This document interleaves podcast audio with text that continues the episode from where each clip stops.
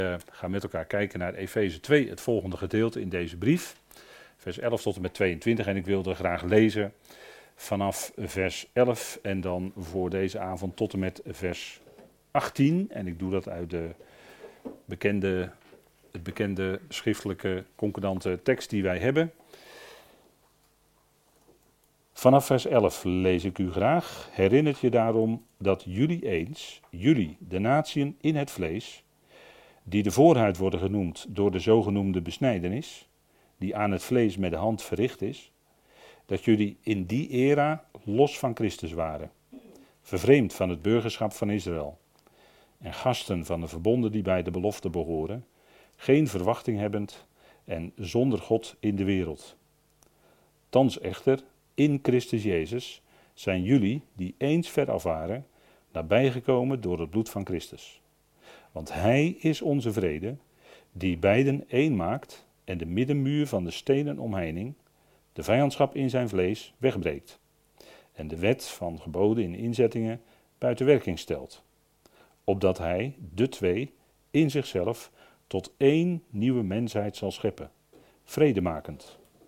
En beiden in één lichaam met God door het kruis wederzijds zal verzoenen. De vijandschap erin dodend, en in zijn komen verkondigt hij als evangelie vrede aan jullie die veraf en vrede aan hen die nabij waren. Want door hem hebben wij beiden in één geest de toegang tot de Vader. Tot zover deze bijzondere woorden uit Efeze 2. En het gaat hier over de natieën en Israël. Die worden hier aangesproken.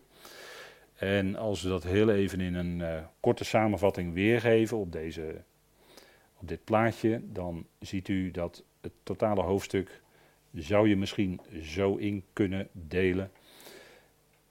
Eerst individueel, dat hebben we met elkaar besproken inmiddels. Vers 1 tot en met vers 10. De situatie in het verleden van nature. En de huidige plaats in de rijke genade. En dan internationaal heb ik het maar genoemd. Omdat het gaat over Israël en de volkeren, althans de gelovigen daaruit de situatie in het verleden door geboorte en de huidige plaats in de verzoening, met andere woorden, het is vrede. De Efezebrief bestaat uit een geheim, wat wij noemen het Efezegeheim. Maar dat is een eigen invulling misschien, dat woord. Maar het heeft drie aspecten, dat hebben we al met elkaar gezien. En we komen nu aan, een, aan het derde aspect van deze brief. En daarom uh, denk ik dat het goed is om heel kort even weer te geven wat die drie aspecten zijn, zodat u ook kunt zien in welk aspect van die drie we nu aanbeland zijn. Het eerste wat we gezien hebben is onze relatie met God. Het gaat drie keer om een relatie. Onze relatie met God is dat wij gezamenlijk lotdeelbezitters zijn. We zijn gezamenlijk lotdeelbezitters. Dat wordt uitgewerkt in Efeze 1, vers 3 tot en met vers 14. En dat wordt ook zo genoemd, dat woord gezamenlijk lotdeelbezitters wordt genoemd in Efeze 3, vers 6. Vandaar dat het er zo achter staat, tussen haakjes. Daarin wordt in drie keer, dat Efezegeheim is eigenlijk heel kort samengevat, in hoofdstuk 3, vers 6. En dat, is, en dat valt op door drie keer het woordje sun in het Grieks. En dat is gezamenlijk. Hè? Dat betekent gezamenlijk, maar dat weet u wel. Gezamenlijk lotdeelbezitters.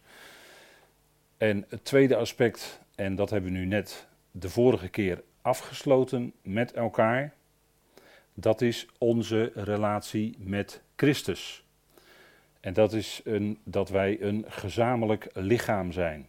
Gezamenlijk lichaam. Dat is een unieke term die alleen in Efeze 3, vers 6 voorkomt. En dat wijst erop dat, dat gelovigen uit de natieën en gelovigen uit Israël in één lichaam gezamenlijk dat lichaam van Christus, om het zo maar te zeggen, vormen. En het woord gezamenlijk wijst erop dat het gezamenlijk is niet alleen met Christus, maar ook met elkaar één in het lichaam van Christus, geestelijk gezien. Eenheid, geen verdeeldheid, want het is in de geest. En dan het derde aspect, Dat is onze relatie met elkaar. En dat wordt uitgewerkt in dit gedeelte, waar we dus nu aanbeland zijn.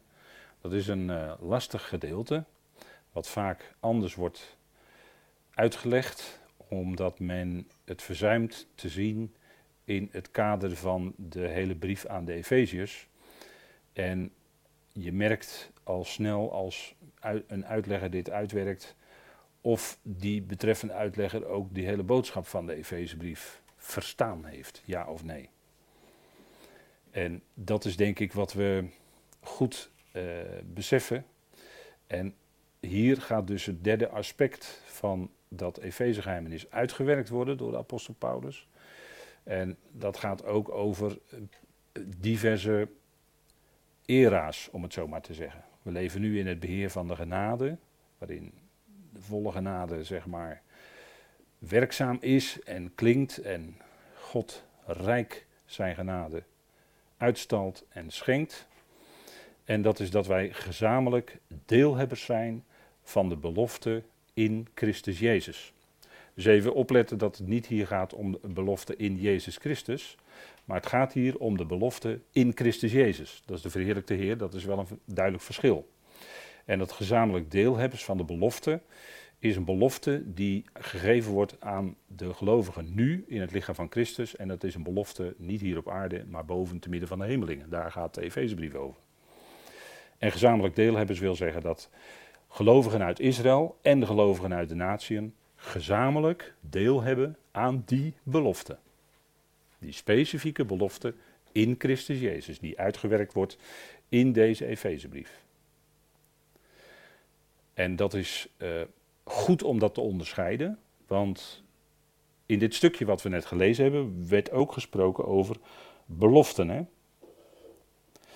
De verbonden, vers 12, de verbonden die bij de belofte behoren.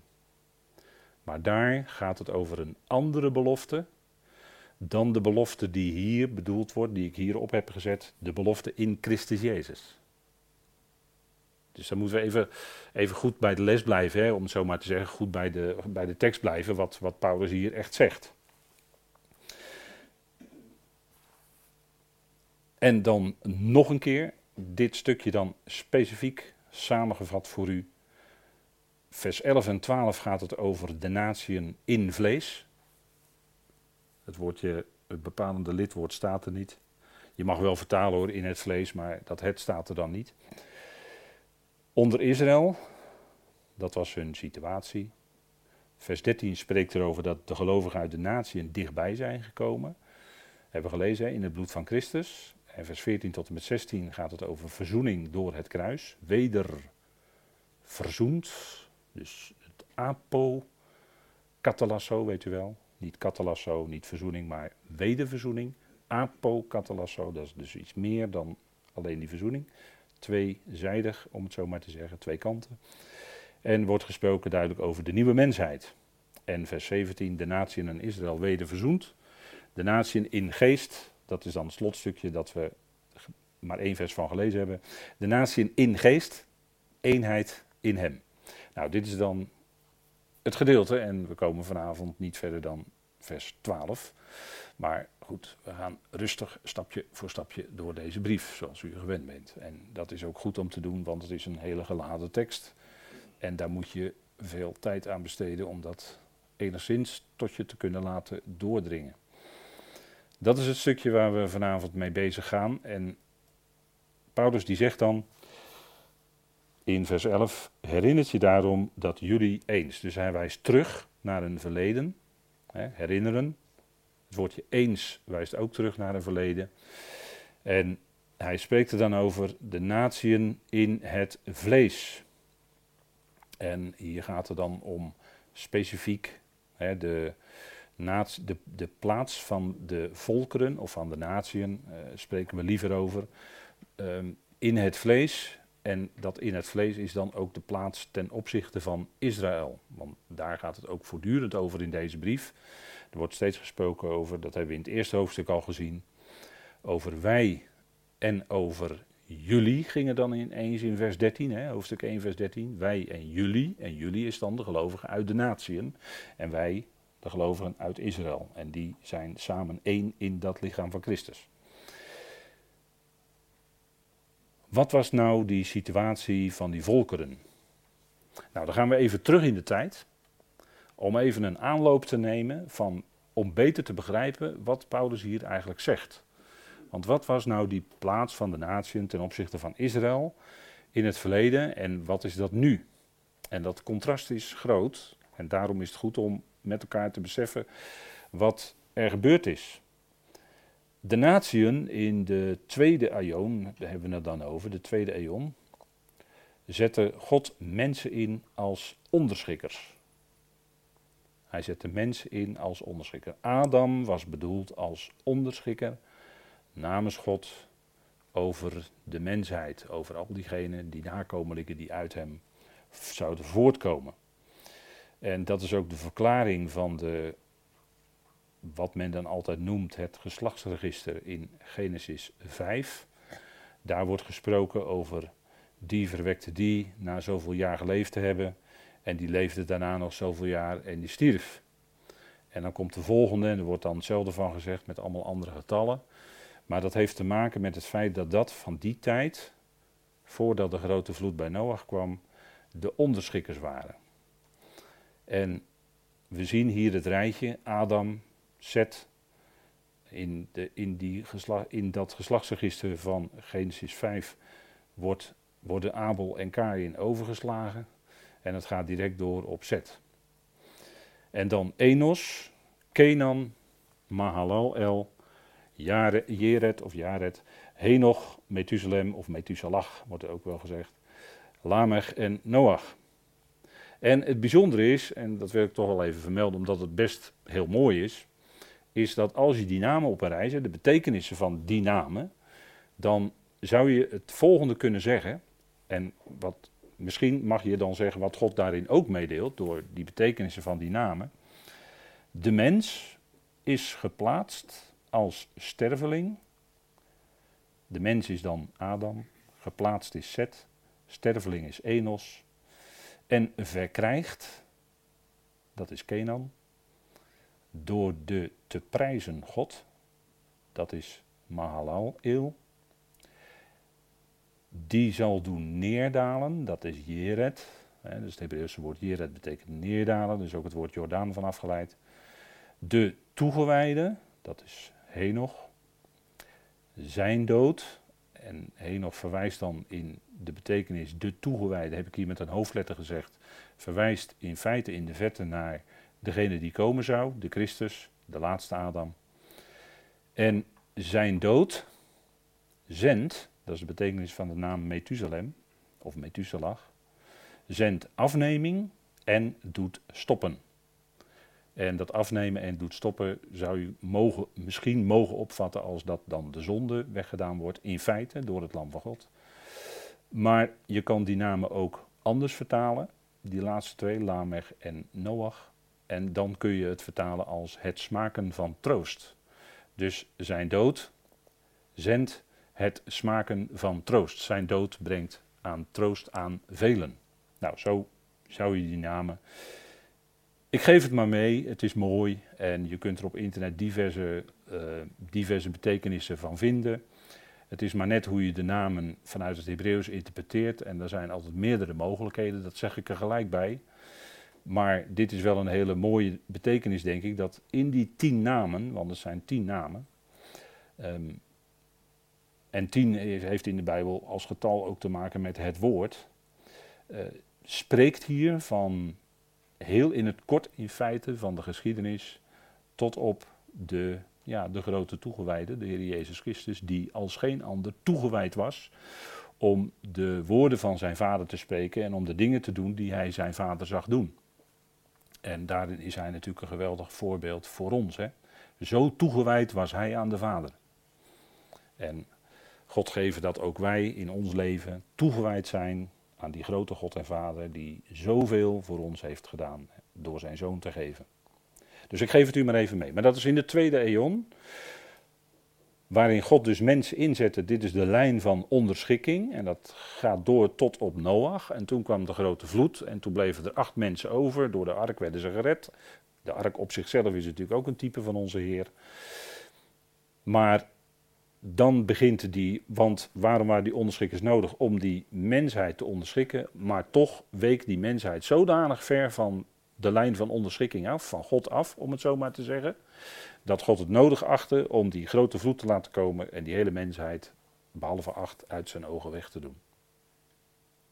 En dat is de, de gang van, en dat is in, in verband met het onderwerp van vanavond, dat is de gang van de natieën. Zij weken af van God.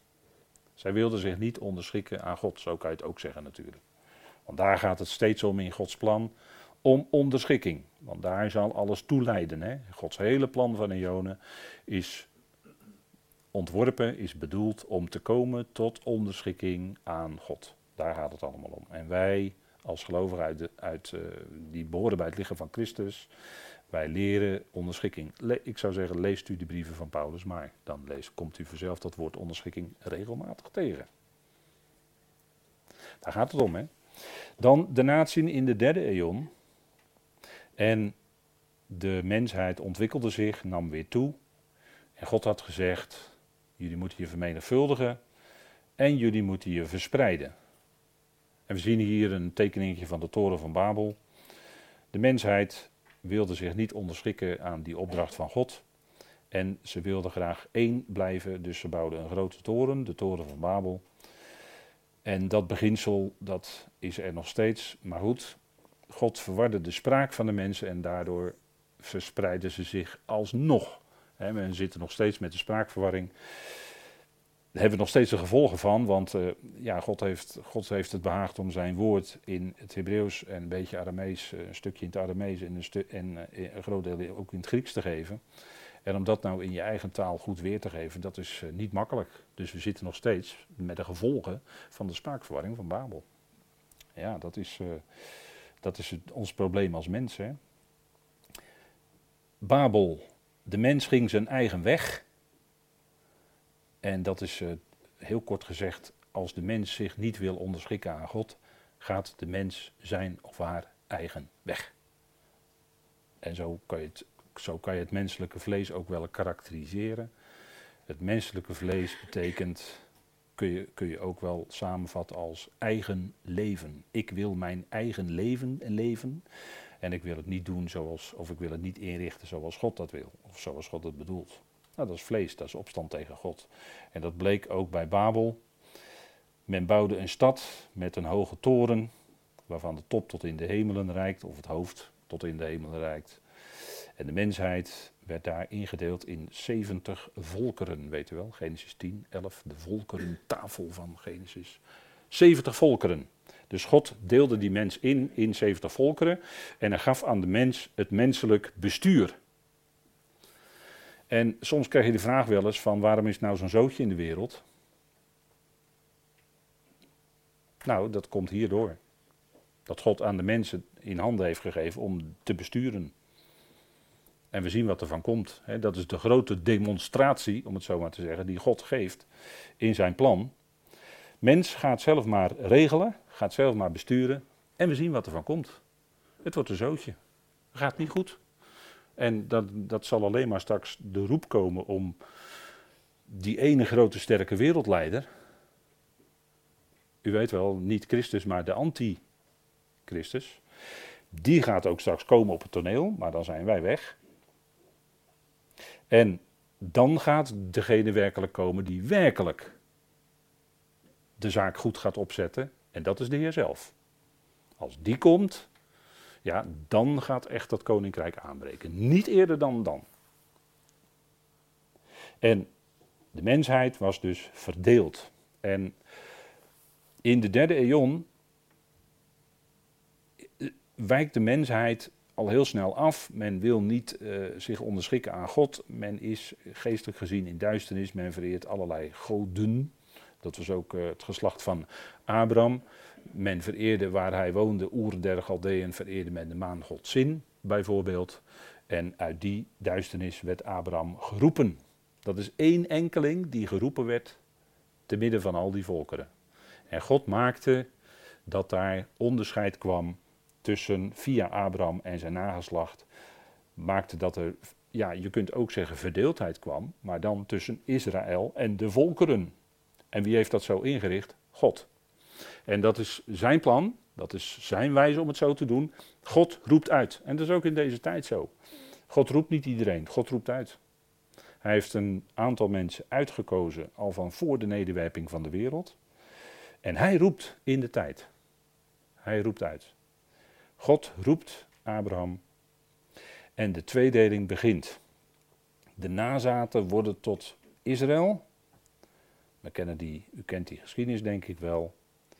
En Abraham die weet niet waar hij terecht zal komen. Hij krijgt een belofte, het beloofde land. Hij weet niet waar hij terecht zal komen, maar hij gaat in geloof. En in die zin gaan wij ook in geloof, net als Abraham. Wij hebben ook een belofte. Niet van een land hier op aarde, maar een hemelse toekomst, te midden van de hemelsen. Dat is ons beloofd. En dat geloven wij. En wij weten ook niet waar wij terecht zullen komen, maar we gaan het zien. God heeft het ons aangezegd. Israël, die was bedoeld om Gods wil door te voeren. En als teken en zegel werd de besnijdenis voor Israël verplicht ingesteld. Dat begon natuurlijk bij Abraham zelf in Genesis 17. Maar later werd het ook in de wet, in de Torah van Israël vastgelegd.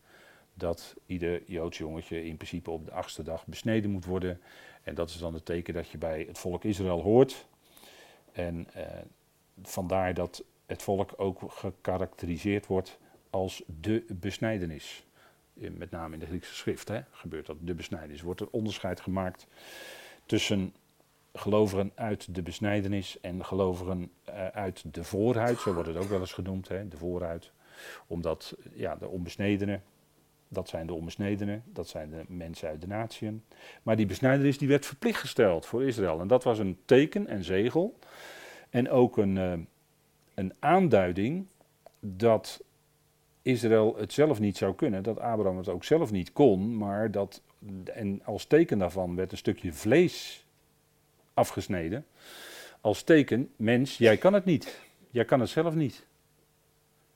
Maar je hebt God nodig in je leven. En het punt is dat dat, dat teken, dat zegel wat Israël kreeg in de besnijdenis, dat gingen zij later hanteren als een voorrecht. Wij zijn bevoorrecht, hè, want wij zijn de besnedenen. Terwijl het juist een teken was wanneer God zei: Ja, maar jullie kunnen het niet. Ja, ik heb jullie, ik heb jullie gekozen. Maar dat was mijn liefde. Niet omdat jullie zo'n eigen. Hè, dat jullie zelf als volk niet zo geweldig en zo groot. Dat waren jullie helemaal niet. Geweldig en groot volk en krachtig en noem maar op, beter dan alles en iedereen. Dat waren jullie helemaal niet. Nee, het was Gods liefde. Staat in Deuteronomium. Het was zijn liefde dat hij dat volk had uitgekozen. Daar hadden ze naar kunnen kijken. Maar zij gingen dat, uh, dat teken en zegel gingen zij hanteren als een voorrecht. En daarmee voelden ze zich ook verheven boven de Goyim, hè, boven de volkeren. Maar het werd wel verplicht gesteld als een onderscheid. God gaf een onderscheid aan Israël. En dat was vooral de besnijdenis. En, maar de besnijdenis houdt in dat je ook de hele wet moet houden. Als je besneden bent, dan houdt dat in, je moet ook de hele wet houden. Dat is automatisch, één op één. Paulus zegt dat ook heel duidelijk, en die kon het weten. In de gelaten brief zegt hij het heel duidelijk. Als iemand zich laat besnijden, wat in deze tijd niet terecht is voor een gelovige. is niet terecht als je dat doet, want het, het, het doet helemaal niets in deze tijd. Maar het gaat er in deze tijd om of je in Christus een nieuwe schepping bent zegt hij in Galaten 6. Besneden zijn of onbesneden betekent niets, zegt Paulus in Galaten 6. Maar of je nieuwe schepping bent in Christus, daar gaat het om.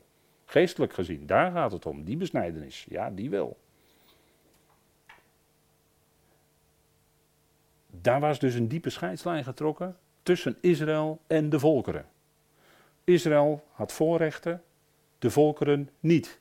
Die stonden op een lager plan. Israël was ook bedoeld, dat weet u heel goed, als een koninklijk priesterschap. Via de priester Israël kon iemand uit de natie tot God naderen, tot Yahweh naderen. Zij waren bedoeld als koninklijk, zij waren bedoeld om te regeren over de andere volkeren. En ze zouden dan goed naar Jawel luisteren hoe ze dat moesten doen. Dat is er nooit, nooit echt van gekomen. En het priesterschap was ook, mm, laat ik maar zeggen, matigjes ten opzichte van de volkeren. Dus er was een diepe scheidslijn tussen Israël en de volkeren. En zij werden vooruit genoemd, zegt Paulus. In vers 11 staat dat. Die de voorhuid worden genoemd door de zogenoemde besnijdenis. De besnijdenis staat dan voor, laat ik maar zeggen, Israël, of het Joodse volk. En de vooruit, dat staat dan voor de natieën, voor de Goyim. Dus dat is. En daar zegt Paulus ook van, die aan het vlees met de hand verricht is. Dat zegt hij ook niet voor niets. Hè? Je ziet hier het plaatje van de Knesset, uh, bij de Knesset, hè, die menorah. Heel groot, imposant uh, kunstwerk is dat. Prachtig als je erbij staat. En u ziet op het andere plaatje de mohel die de besnijdenis gaat uitvoeren. En zo gebeurt dat vandaag aan de dag nog steeds hè, binnen het Jodendom. Dus in die zin houden zij zich daar nog steeds aan. Maar Paulus zegt, de besnijdenis, dat is die aan het vlees met de hand verricht is. En dat zegt hij niet voor niks hier natuurlijk. Natuurlijk door Heilige Geest geleid heeft hij dat zo geschreven. Want het punt is dat wij spreken nu met elkaar over de situatie van Israël en de volkeren in het vlees. Dat is een heel belangrijk punt, dat het Paulus dat daar twee keer noemt in deze verse. Hij zegt eerst, jullie de natieën in het vlees, vers 11. En dan zegt hij, de besnijdenis die aan het vlees met de hand verricht is. En dat is in wezen de sleutel tot wat Paulus hier in deze eerste verse van dit stukje zegt. Dat is heel belangrijk, dat, dat we dat goed met elkaar zien. Hè? Dat we het goed met elkaar vaststellen. God verstrooide, we gaan even verder de geschiedenis door in grote stappen. God verstrooide Israël onder de volkeren. Eerst de tien stammen door de Assyriërs, grofweg gezegd. En later de twee stammen door Babel. Uiteindelijk, de uiteindelijke wegvoering, de definitieve laatste groep, was in, laten we zeggen, 586 BC of uh, voor Christus. before Christ. Of uh, voor Christus dat in feite gebeurde die, van de twee stammen gebeurde dat in drie stappen. Maar goed, we, nemen hier de laatste. En dat is toen uh, Zedekia koning was over Israël. Toen ging de laatste groep weg. En toen was die ballingschap dus definitief. En wat had het mee te maken? Dat had te maken met afgoderij. Dat had te maken met het zich niet houden aan de Torah van Israël. Zij, uh, zij pleegde afgoderij. Zij pleegde overspel met stenen en hout en noem alles maar op. Hè. De hoogten die werden soms wel gedeeltelijk afgebroken, maar niet alles. Niet alles. Ze gingen steeds maar door. En daarmee krenkten zij het hart van God. God had hen lief. En die had gezegd in het eerste gebod: Jullie zullen geen andere goden voor mijn aangezicht hebben. En dat overtraden ze, dat gebod. Dat, deden ze, dat overtraden ze nogal, ja, ik moet helaas zeggen, nogal vrij consequent ook. Eh, ik heb wel vaker gememoreerd dat in het noordelijke tienstammenrijk stonden twee gouden kalveren die aanbeden werden. één in Dan en één in Bethel, nota bene. En gouden kalf, dat had geen goede geschiedenis. Hè? Dat was bij de, weet u nog, wetgevingsinie, gouden kalf. Israël ging consequent door met die zaken, afgoderij, en daarom werden zij verstrooid. Want de Heer had gezegd, als jullie niet aan mijn Torah houden, gaan jullie eruit, uit mijn huis, uit mijn land. Want het land is van Jahweh. Zullen we nou krijgen. Zij mogen daarop vruchtgebruik uitoefenen, Israël, omdat God het aan hen gegeven had. Maar als ze zich niet aan de huisregels hielden, weg. En dat gebeurde ook. God heeft woord gehouden. Zijn woord werd werkelijkheid, zoals het in Deuteronomium ook voorzegd was. Maar in Deuteronomium stond ook de verwachting dat er ooit weer een terugkeer ook zou komen. En die is een beetje gekomen, zou je kunnen zeggen, in onze tijd. Hè. En later ook keerden zij natuurlijk terug uit ballingschap en konden zij Jeruzalem en de tempel herbouwen. U weet wel, Ezra, Nehemia, uh, hè, dat, dat, dat mocht dan gebeuren. En later uh, toch weer verstrooid nadat in het jaar 70 de Jeruzalem en de tempel verwoest werd door generaal Titus, hè, de Romeinse generaal Titus. En gingen ze alsnog in de diaspora, in de verstrooiing, tot op vandaag aan de dag. En de rabbijnen die noemen dat dan ook wel eens de Edomitische ballingschap. Hè. Die hebben daar een term voor, Edomitische ballingschap. Waarom? Omdat de Romeinen zagen ze als na nazaten, vooral Herodes van Edom. En daarom noemen ze dat de Edomitische ballingschap. Nou, daar zijn ze nog steeds in, maar ze zijn gedeeltelijk teruggekeerd naar het land.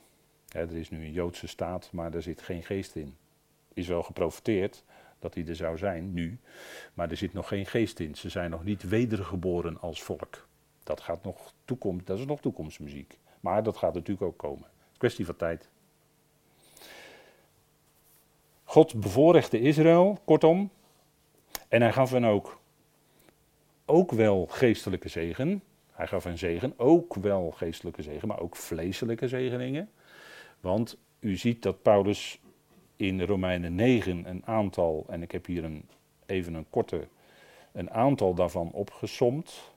God bevoorrechte Israël, zij hadden de plaats van zoon, hè, de zoonplaatsing, de hyothesia noemt hij dat, en de wetplaatsing, de verbonden, de beloften. En uit hen is zelfs de Messias voortgekomen naar het vlees. dat zijn allemaal zegeningen die God aan Israël had gegeven. En ook zoals Petrus dat vaststelt, en dan herhaalt hij Exodus 19, zij zijn een koninklijk priesterschap. Dat is bestemd voor Israël. En daar hebben gelovigen nu van het lichaam van Christus geen deel aan. U en ik wij zijn geen en wij worden geen koningen en priesters. Daar hebben wij geen deel aan. Dat is een andere lijn. Een koninklijk priesterschap. En dat waren voorrechten die God aan Israël had gegeven. Niet aan de natieën. Dus die hadden deze voorrechten niet. Dus Israël was enorm bevoorrecht ten opzichte van de volkeren. Die hadden geen, die hadden geen zegeningen zoals Israël die had. En ik kan er ook wel aan toevoegen, die hadden geen zegeningen in of naar het vlees. Die hadden geen zegeningen in of naar het vlees. En toen kwam het complement van de tijd. En dan staat daar, toen echter het complement van de tijd kwam, vaardigde God zijn zoon af, geworden uit een vrouw, geworden onder de wet. En dat is uh, specifiek toen uh, ja, de tijd daarvoor rijp was, om het zo maar te zeggen. Hè, het complement van de tijd. Dus dat laatste stuk wat voor die bijzondere gebeurtenis toegevoegd moest worden, was toegevoegd. Dat is een compliment, hè. Dan is het, uh, tot dat moment is het vol, het complement van de tijd. Vaardigde God zijn zoon af, geworden uit een vrouw, geworden onder wet. Of geworden onder de wet, mag je ook zeggen, natuurlijk. Dat was de situatie. Jozef en Mirjam die kregen de Heer als kindje en dat was een geweldig en bijzonder gebeuren. En toen, daardoor was de belofte die God had gegeven, de oerbelofte om het zo maar te zeggen uit Genesis 3, dat het zaad van de vrouw zou de kop van de slang deerlijk verwonden die belofte werd hier ingelost. Hè? Genesis 3, vers 15, u weet wel. Bekende. En daar hadden ook Israël lang naar uitgekeken. En het was ook natuurlijk de beloofde zoon van Abraham. Het was de beloofde zoon van David die op de troon zou zitten. Dat kwam allemaal samen in hem. En hij kwam om zijn volk te redden van hun zonden, werd er, werd er ook gezegd hè? in uh, Matthäus 1, bij zijn, uh, rond zijn uh, geboorte. Hij zou zijn volk, Israël, redden van hun zonden. Dat is natuurlijk ook wat hij, dat was ook zijn missie. Hij kwam, hij kwam. Hij kwam tot de verloren schapen van het huis van Israël.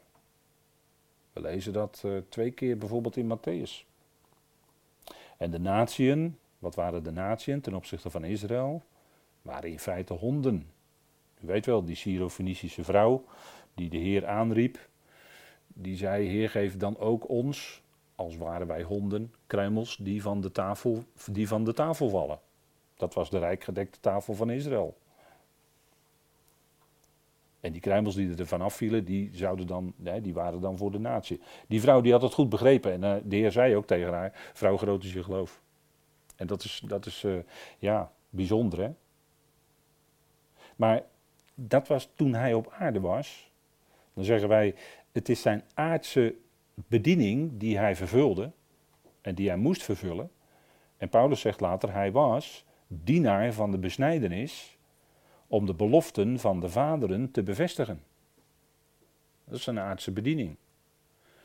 Hier, in deze woorden, is, zijn de natieën, is, de volkeren zijn niet in beeld. Hè? Die zijn niet in beeld hier.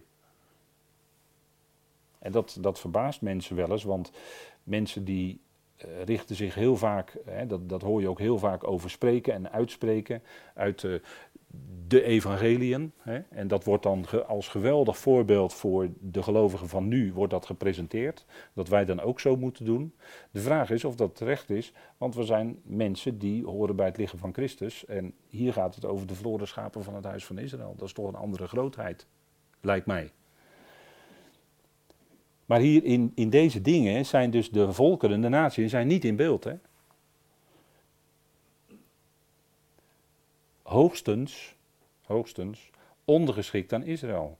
Hoogstens degene die, dat waren dan individuen om het zo maar te zeggen, die naderden tot de God van Israël. En daar was ook in de wet in voorzien. Dat als de vreemdeling binnen uw poorten komt, dan moet je hem ontvangen. En dan kan hij zelfs offers brengen bij de priester en dan moet je hem ontvangen en, en uh, opnemen in het volk. Maar er was toch nog steeds een vreemdeling, was nog steeds een onbesnedene, die er niet in wezen, in de diepste zin, toch niet echt bij hoorde, maar moest wel opgenomen worden als. Dus dat is wat we vaststellen dan. Hè? En zijn dood en opstanding verandert alles. En dat was overeenkomstig Gods plan. Want dat bracht een grote verandering teweeg. Ook in het handelen. En het moest ook zo zijn, want was het Petrus niet die op de Pinksterdag zei dat hij overgeleverd is geworden en gekruisigd is geworden. En dat was naar de bepaalde raad en voorkennis van God. Dus het was niet zomaar wat, nee, het was naar dat plan van God. Wat, wat de, de, de mensen die wilden hem koning maken. De discipelen dachten dat het niet zo zou gaan, ondanks dat hij meerdere keren tevoren zijn kruisiging en opwekking uit de doden aankondigde. En toch begrepen ze het niet. Dus zijn dood en opstanding veranderde alles. Het was naar Gods plan. En hij is nu de verheerlijkte aan Gods rechterhand. Dat is een andere situatie dan toen hij dienaar van de besnijdenis was. Hij is nu verheerlijkt. Dat is anders. En wat gebeurde er met Pinksteren? Met Pinksteren, toen vond daar, zou je kunnen zeggen, een opwekking plaats. En dat was een bijzonder werk van God onder Israël. En we zien ook in handelingen bij gelegenheid proselieten naar voren komen. Proselieten, dat waren mensen die waren genaderd tot de God van Israël. Uit de natieën dus, die waren genaderd tot de God van Israël. En die konden dan wel toetreden tot het Jodendom. En dan werden zij, en dat zien wij in Handelingen 8, hè, we nemen even weer een grote stap in de tijd. Dat zien wij in Handelingen 8, bij in Samaria, als Filippus de Kamerling ontmoet. En dat was een proseliet van de gerechtigheid. En proseliet van de gerechtigheid was iemand die besneden was. Het was iemand die daardoor ook zich hield aan de voorschriften en aan de zogenaamde feesten van Yahweh, die ingesteld waren. Hij was een proseliet van de gerechtigheid en hoorde, werd gerekend, laat ik het, misschien kan ik het zo zeggen, hij werd gerekend bij het volk Israël. Dus die was ook ter gelegenheid van een bijzonder feest, was, hij, was die ook in Israël geweest en ging weer terug. En Filippus hij begreep de schriften niet en Filippus verkondigde hem vanuit de schrift. Jezaja 53, ja, hoe kan het ook anders? Hij verkondigde hem de Heer Jezus natuurlijk. Ja, dat is natuurlijk iets wat voor de hand ligt hè, voor ons. En dan de proseliet van de poort, dat was een ander. dat was een andere type proseliet, om het zo maar te zeggen. Een proseliet van de poort was genaderd wel tot de God van Israël, want de staat van Cornelius, hebben we al behandeld bij handelingen. Er staat dat hij een godvrezende was, een godvereerder. Dat hij goede dingen deed, dus die was al genaderd tot de God van Israël. Maar omdat het zo'n proseliet was uit de natie, moest, uh, u ziet het hier, dat bekende laken aan Peters getoond worden. Onreine en reine dieren. En dat wil zeggen dat die mensen uit de natie, die, daar mocht hij gewoon naartoe gaan. Cornelius was een proseliet van de poort. En u ziet hoeveel moeite het Peters kostte, notabene de leider van de apostel van de besnijdenis, hoeveel moeite het hem kostte om toch naar zo'n proseliet toe te gaan. Naar zo iemand uit de natieën. Want die stonden toch ten opzichte van Israël, en ik zeg nogmaals, in het vlees, op een lager plan. Dat is wat Paulus zegt hier. Hè? Twee keer in het vlees of aan het vlees. Dat is een punt, hè? Dat is het punt. En er kwam een nieuwe ontwikkeling. Ook dat hebben we meegenomen in de studies handelingen. Er kwam een nieuwe ontwikkeling. Paulus en Barnabas gingen naar de onbesnedenen, afgodendienaars van de natie, die zonder het houden van de wet of wat ook, deelden in de zegen van Messias Jezus van Israël. Zij spraken en wat wij dan zeggen, pure heidenen, dus afgodendienaars uit de natieën, die niet genaderd, nog niet genaderd waren tot de God van Israël, zoals Cornelius. Maar op de prediking, zij hoorden spreken en zij geloofden. Dat was het enige. En daardoor deelden zij in een stukje zegen van de Messias, Jezus van Israël. En dat konden de Judaïsten niet vatten. En de Judaïsten, dat waren degenen die die groep daar, want dan komt, dat, dan komt daar oneenigheid over. Als Paulus en Barnabas een eerste reis hebben gedaan, dan ontstaat er oneenigheid. En dat gaat over de besnijdenis. Want de Judaïsten zeiden, nee, ze kunnen niet zomaar naderen, nee, ze moeten besneden worden. En dat werd een hoog oplopende discussie, om het zo maar te zeggen, in Antiochië in Syrië. En toen werd er door die gemeente daar besloten dat ze dan naar Jeruzalem zouden gaan, naar het apostelconvent, zoals we dat dan noemen om daar die kwestie van de besnijdenis voor de natieën met elkaar uh, uit te spreken en kijken wat daarvan gezegd werd. En dat leidde ertoe dat, dat de apostelen zeiden, en ook Jacobus, die geen echte apostel was, maar dat was een broer, moet misschien zeggen halfbroer van de Heer Jezus. En die had toch daardoor een vooraanstaande positie, dus zijn verbintenis in het vlees met de Heer Jezus was kennelijk toch voor die mensen daar heel belangrijk. En daardoor had hij toch een wat vooraanstaande positie gekregen. En die neemt dan ook het woord in Handelingen 15. Maar ook die zegt niet dat de mensen die tot geloof zijn gekomen uit de natie, dat die zich moeten laten besnijden. En daar geeft hij wel decreten mee. Hè. U ziet hier op het plaatje is dat even afgebeeld. Hij geeft wel decreten mee voor, als richtlijnen voor de ecclesia's. En die nam Paulus dan ook mee. Maar besnijdenis, werd daar beslist, was niet nodig als voorwaarde om gered te worden. Toen ontstond er nog een andere discussie. En dat lezen we terug in de brief aan de Galaten.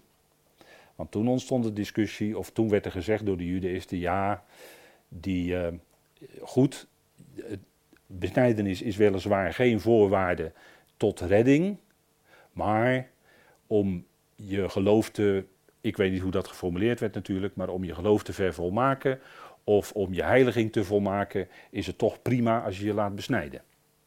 En daar gaat Paulus nogal fel tegen in, in de gelaten brief, mag ik wel zeggen. Nogal fel, ja. En dat was ook logisch, want daarmee werd de grondtoon van zijn evangelie aangetast. En dat is genade. Geen werken. Geen zaken als besnijdenis of wat ook, of heiliging, of wat je moet doen als gelovige. Nee, dat is allemaal natuurlijk van tafel bij de genade. Dat, dat kan niet.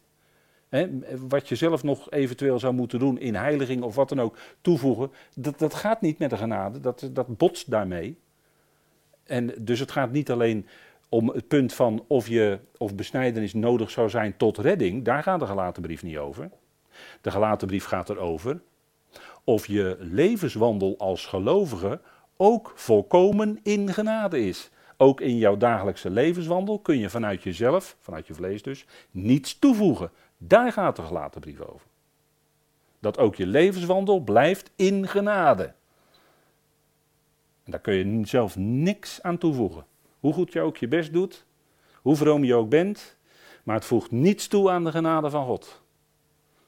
Dat is wat Paulus in de gelaten brief in feite, als ik het heel kort samenvat, zegt.